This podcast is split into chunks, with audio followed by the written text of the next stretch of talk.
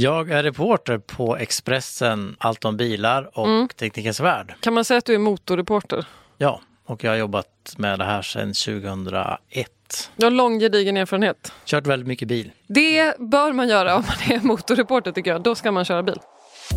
Den i studion som kör så himla mycket bil, överlägset mest av oss två, det är min kollega Jan-Erik Berggren. Jag heter Matilda Nyberg, du lyssnar på Klimatprat och jag och Jan-Erik ska prata om de nyss införda miljözonerna i Stockholm. Ja, det låter inte så himla spännande tycker du, men det är det. Framför allt för dig som kanske någon gång behöver köra bil på Hornsgatan i Stockholm. Och det finns det stor risk för om du bor i den här stan eller ska passera den här stan från ena eller andra hållet. Från och med den 15 januari i år är det förbjudet för vissa bilar att trafikera den gatan. Varför då? Ja, det kan man fråga sig. Är det något man gör för att minska klimatpåverkan? Och varför ska det bli ännu krångligare att köra bil i centrala Stockholm? Ja, men det är för luften blir dålig om man håller på och kör för mycket bil i stan. Jag vet en kollega till mig försökte ju kryssa sig fram runt Hornsgatan. Man får alltså korsa gatan även om man har dubbdäck eller en, en Just det, korsa den på liksom... Ja, Ja, mm. man får korsa den och då är det många som säger och då kan man köra zigzag på olika vägar runt omkring. Eh, men det är ganska krångligt. Hur lång tid tar det? Ja, det tar ju det, ja, fyra år så lång tid kanske att ta sig fram. Så att, och då kan man ju säga att det är inte bra för då åker bilen i alla fall i stan. Exakt, och det blir ännu mer utsläpp för de måste åka fyra gånger så Ja, långt. precis. Men då beror det, olika gator har ju olika ventilation. Det, det är väldigt beroende på vind och, och så, hur, hur fritt det är runt omkring. Jaha, så Även att om det blåser mer så är det inte det kanske, så hade, farligt? det kanske är bättre för en bil att åka på en parallellgata till Hornsgatan, även om det är exakt samma bil. Men man kommer att mäta nu på sidogatan också för att Mm. se att inte luften blir sämre där. Vilka bilar är det då som inte får köra på Hornsgatan? Eh, Ja, då kommer man in på lite så här krångliga tekniska saker. Men Spännande. Precis. Eh, Till att börja med är det då alla som har avgasrening enligt miljöklass Euro, Euro 4 som det heter. Förlåt, avgasrening enligt miljöklass Euro 4. Det är Och- alltså bilar som är från 2005, alltså äldre än 2005. Tju- eh, 2005 infördes miljöklass Euro 4. Okej, så innan 2005, bort från Hornsgatan. Ja, eller egentligen 2009 eftersom det infördes Euro 5. Okej, här får vi nog ta det försiktigt eh, om eh, Nyberg ska hänga med. Om jag har en bil från 2008, får jag köra på Hornsgatan eller inte? Eh, nej, för då har du förmodligen Euro 4-klass. För först 2009 infördes krav på Euro 5. Och man måste ha Euro 5 för att Ja, få köra där. Okej, Nu. så... Och så sommaren 2022 så plockas alla diesel från, med Euro 5 bort. Aha, så det är Euro 5 både bensin och diesel som får Just köra nu, på? ja. Okej, okej. Och så ryker diesel om 2022, sa du det? Ja. Men eh, ja, det här låter ju... Men kan man säga liksom att om, det, om den är tillverkad före 2009 då finns det inte en chans att det är Euro 5? Man kan liksom slå fast det? Ja, det är alltid problem med övergångsår och sådär. För Just det. Att, för att vissa biltillverkare har ju varit tidiga på att införa nya klasser beroende på lite när bilen kommer och när motorn var utvecklad. De visste ju det långt i förväg att det här skulle komma så då Mm. kanske man ja, vi inför Euro 5 redan två år innan vi måste. Just det. Och sen kan det också vara så att man köper en bil sent det året och då är det fel klass fast det har en, en nyare årsmodell. Gud, vilken Så man måste egentligen kolla det här med Men hur gör man det då? i eh, Transportstyrelsens eh, fordonsregister så står det för ditt, eh, på ditt registreringsnummer kan du använda för att knappa fram vilken miljözon eller miljöklass det är. Jaha, det låter ju superlätt. Japp. Så Vad man, man ska hålla reda på eh, Euro 4, 5 och 6 och Mm. Euro 6 då får man ju köra oavsett bensin och diesel och det började införas 2014. Just det, den känner vi till. nyare än 2014 då är man safe. Ja, härligt. Man köpa en ny bil. Eh, varför är det just de här bilarna som får köra där? Det är ju för att de släpper ut mer, alltså ju sämre avgasrening desto mer släpper man ut kväveoxider. Ah, okej. Och nyare bil är bättre rening så att säga. Ja. Men vem ska hålla koll på det här? Alltså, ska polisen stå och bara Vad har du för avgasrör? Alltså det kommer ju ta en massa tid. Ja, och, Och eh, i Sverige är det så att det är bara polisen som får kontrollera det här. Va? Det är ingen annan som får gå och leka polis. Vadå, så jag får inte stå på Hornsgatan och peka på de bilarna som är äldre än Du 2000? kan inte bötfälla någon för, för det. Eh, Men det vill ju då politikerna i Stockholm eh, bland annat ge parkeringsvakterna Mm. möjlighet så att de kan i alla fall eh, bötfälla de som står parkerade så man ser direkt det här är fel. För det ser man ju på registreringsnumret. Just det, då kan de kolla när de är, om, man- om man ändå står felparkerad så kan de bara, ja ah, du har också fel miljö. Vad är det för böter då? Vet du det? Nej, det, för det, man får inte det än. än ja, men jag vet inte böterna på, på om polisen hade stoppat det vet jag Nej. faktiskt inte. Men, eh, Vad tror du? Tummen och pekfingret? Eh, det är väl en tusenlapp där någonstans. Åh, oh, det är segt. Det är en dyr genväg. Det är det.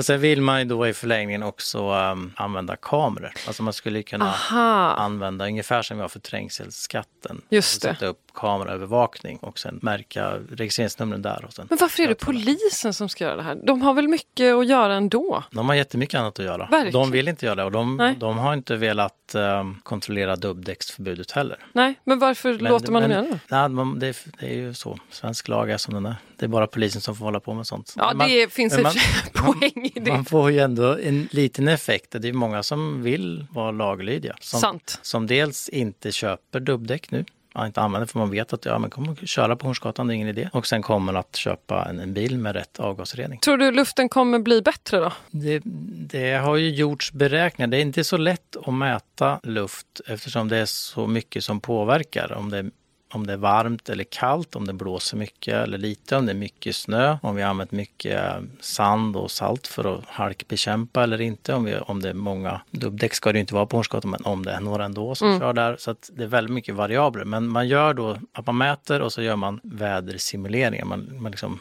har en dator som räknar ut att det här värdet borde det vara. Och då kan man också simulera om vi tar bort de här bilarna, vad kommer det att bli? Jaha, man kan räkna. Ja, jag förstår. Jag Och då förstår. pratar man om att man skulle kunna få ner utsläppen av kväveoxider på med 8 till 10 procent. Bara av att, alltså Om nu alla- pratar vi på Hornsgatan bara. Precis, om, Okej, om alla följer lagen när den är tuffare än som den är nu, alltså Mm. sommaren 2022, så är det 8-10 procent. Så det är inte jättemycket. Nej, det låter ganska, liksom, är det verkligen lönt? Ja, det får vi egentligen får vi ju se nu. Det kan ju bli mer. Ja, det får vi ju hoppas.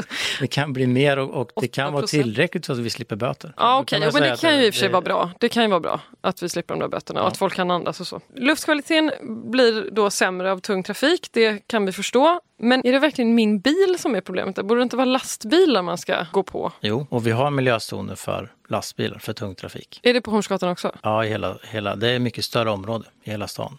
Och där är det så att Euro 5 lastbilar då får köra det här året ut. Sen blir det tuffare krav även på dem. Men räcker inte det då? Problem, nej, och där är nog problemet att man övervakning kan vara ett större problem där. Att man inte, att man släpper in gamla lastbilar fast de inte får köra. Hur menar du då? Ja, det, det, det går ju ganska mycket lastbilar in i stan. Om man åker Ja. sen, ja, Centralbron på morgonen så är det ju, senast jag åkte jag där i morse, det var jättemycket lastbilar som kom med fraktade sten. Liksom. Man undrar vad, vad gör de här i rusningstrafik? Mm. Man skulle lätt kunna reglera bort det tycker jag. Hur skulle man göra det då? Ja, bara tillåta dem under vissa tider och, och vara tuffare på att inte släppa in dem i stan. Men är det, alltså, om man ska vara helt liksom, eh, ärlig, är det inte bättre att gå på de fordonen då istället för privatpersoners små bilar på Hornsgatan? Ja, det, jag tror man måste göra både och. Okej. På Hornsgatan är det så specifikt att där är luften sämst och då måste man göra någonting. Och det är fortfarande personbilarna som ställer till mest, även om varje lastbil kan man ju förstå i sig påverkar ganska mycket då. Men det är fortfarande personbilarna som är den största boven.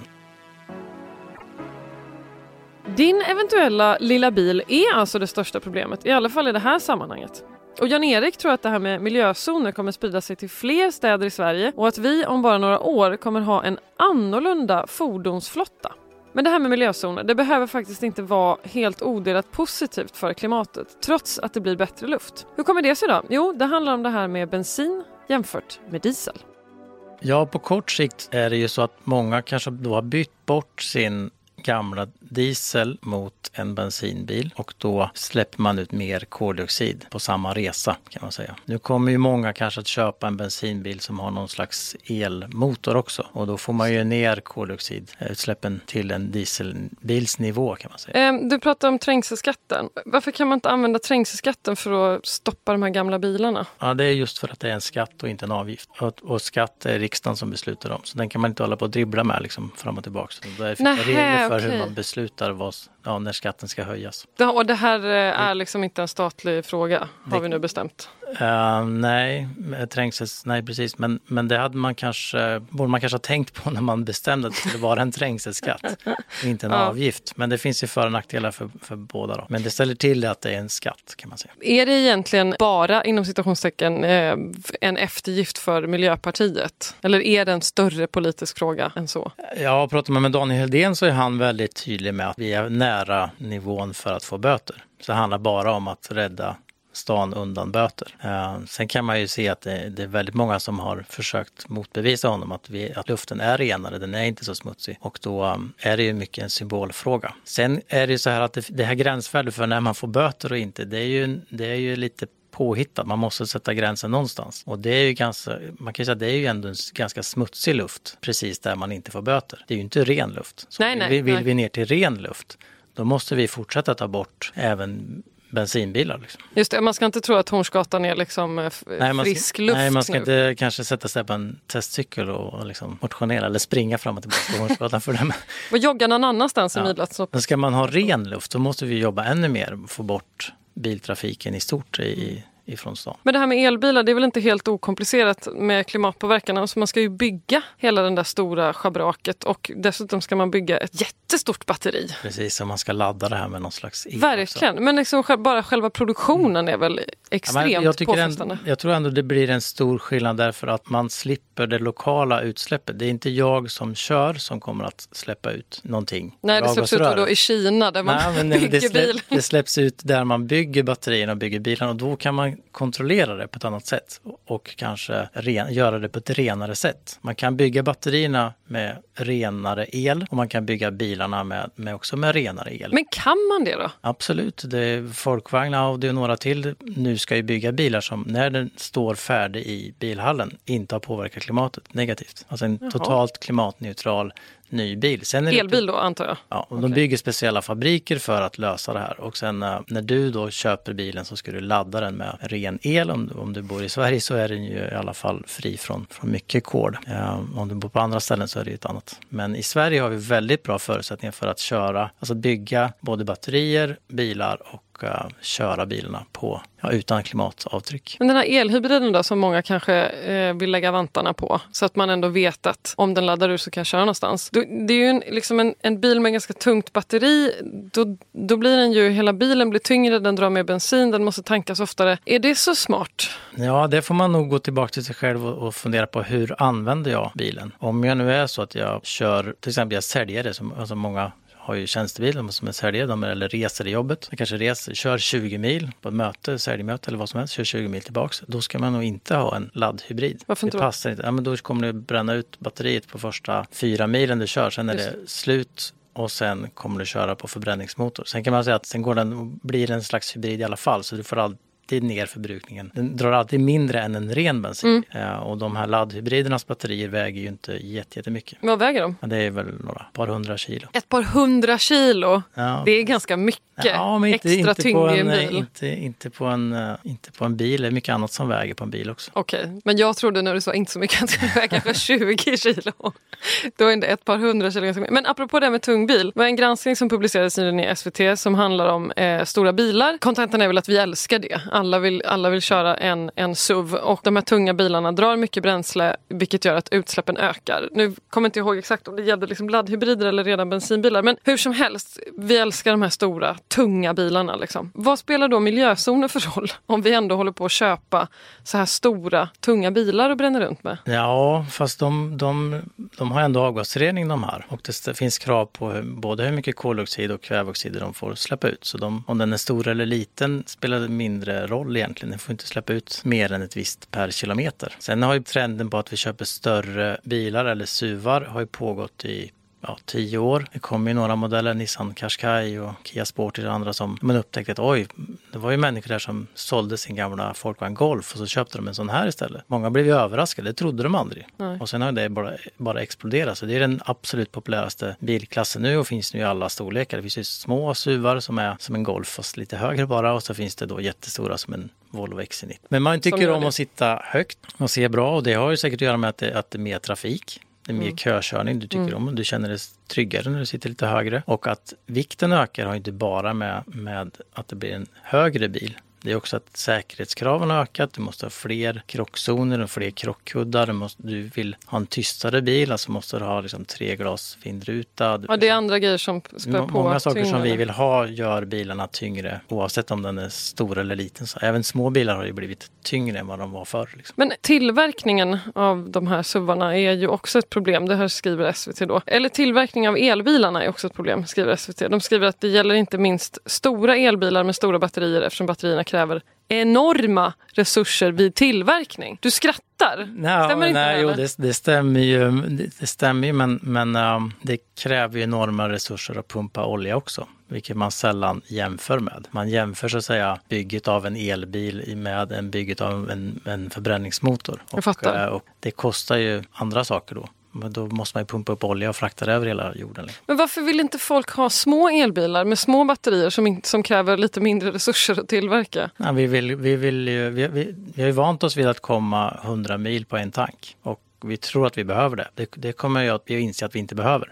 Så jag, många tror ju också att det kommer att bli en, en omställning nu till mindre, mindre batterier. För vi förstår att det räcker med 20-30 mil på många bilar. I alla fall de bilar som vi använder för att pendla med. Men klarar man sig, om jag ska köra, jag behöver en räckvidd på 20-30 mil ungefär och jag vill ha en liten bil, alltså klarar batteriet det då? Hur stort måste batteriet vara för att man ska kunna köra 30 mil på en laddning? Ja, då börjar det komma upp på eh, 70 kilowattimmar batteri någonstans där. Det är ganska stort ändå. Och hur, hur mycket väger ett sånt batteri då? Den väger kanske 500 kilo mer än elbil. Det, det, är, ja, det är svårt att jämföra men, men eh, den väger så att säga 300-500 kilo mer än motsvarande annan bil. Då. Det är ändå ganska mycket. Det är ganska mycket men ja. Alltså jag tror inte att en bil väger liksom 12 kilo men jag fattar ändå att det blir ju tyngre. Liksom, de, de börjar ju krypa upp på 2-2,5 ton för en bil. Liksom. Och, Det är sjukt! och de vägde väl eh, strax över ett ton förr. Så det är fler bilar som väger mer. Verkligen. Ja.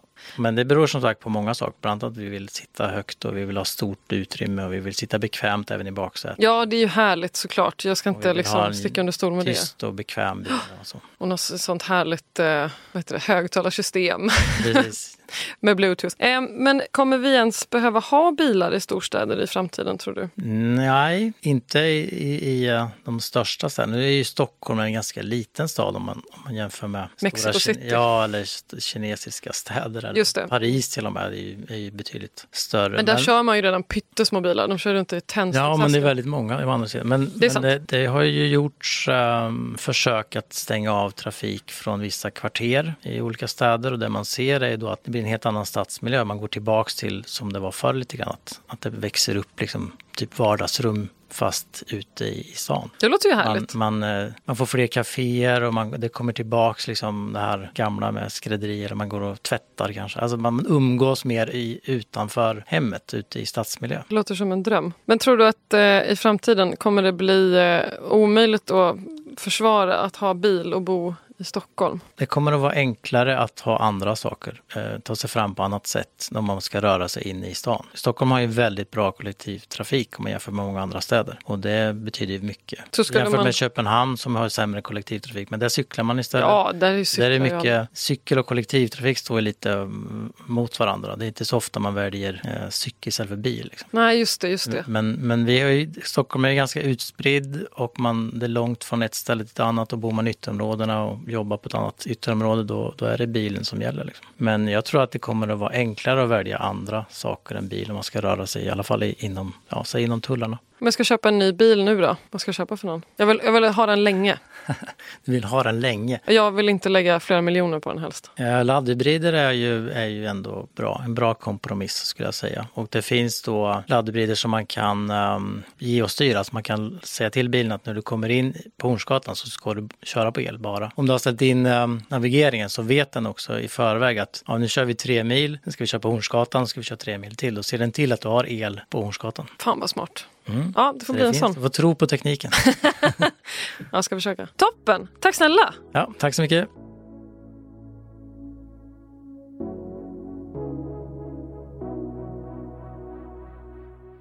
Du har lyssnat på en podcast från Expressen. Ansvarig utgivare är Klas Granström.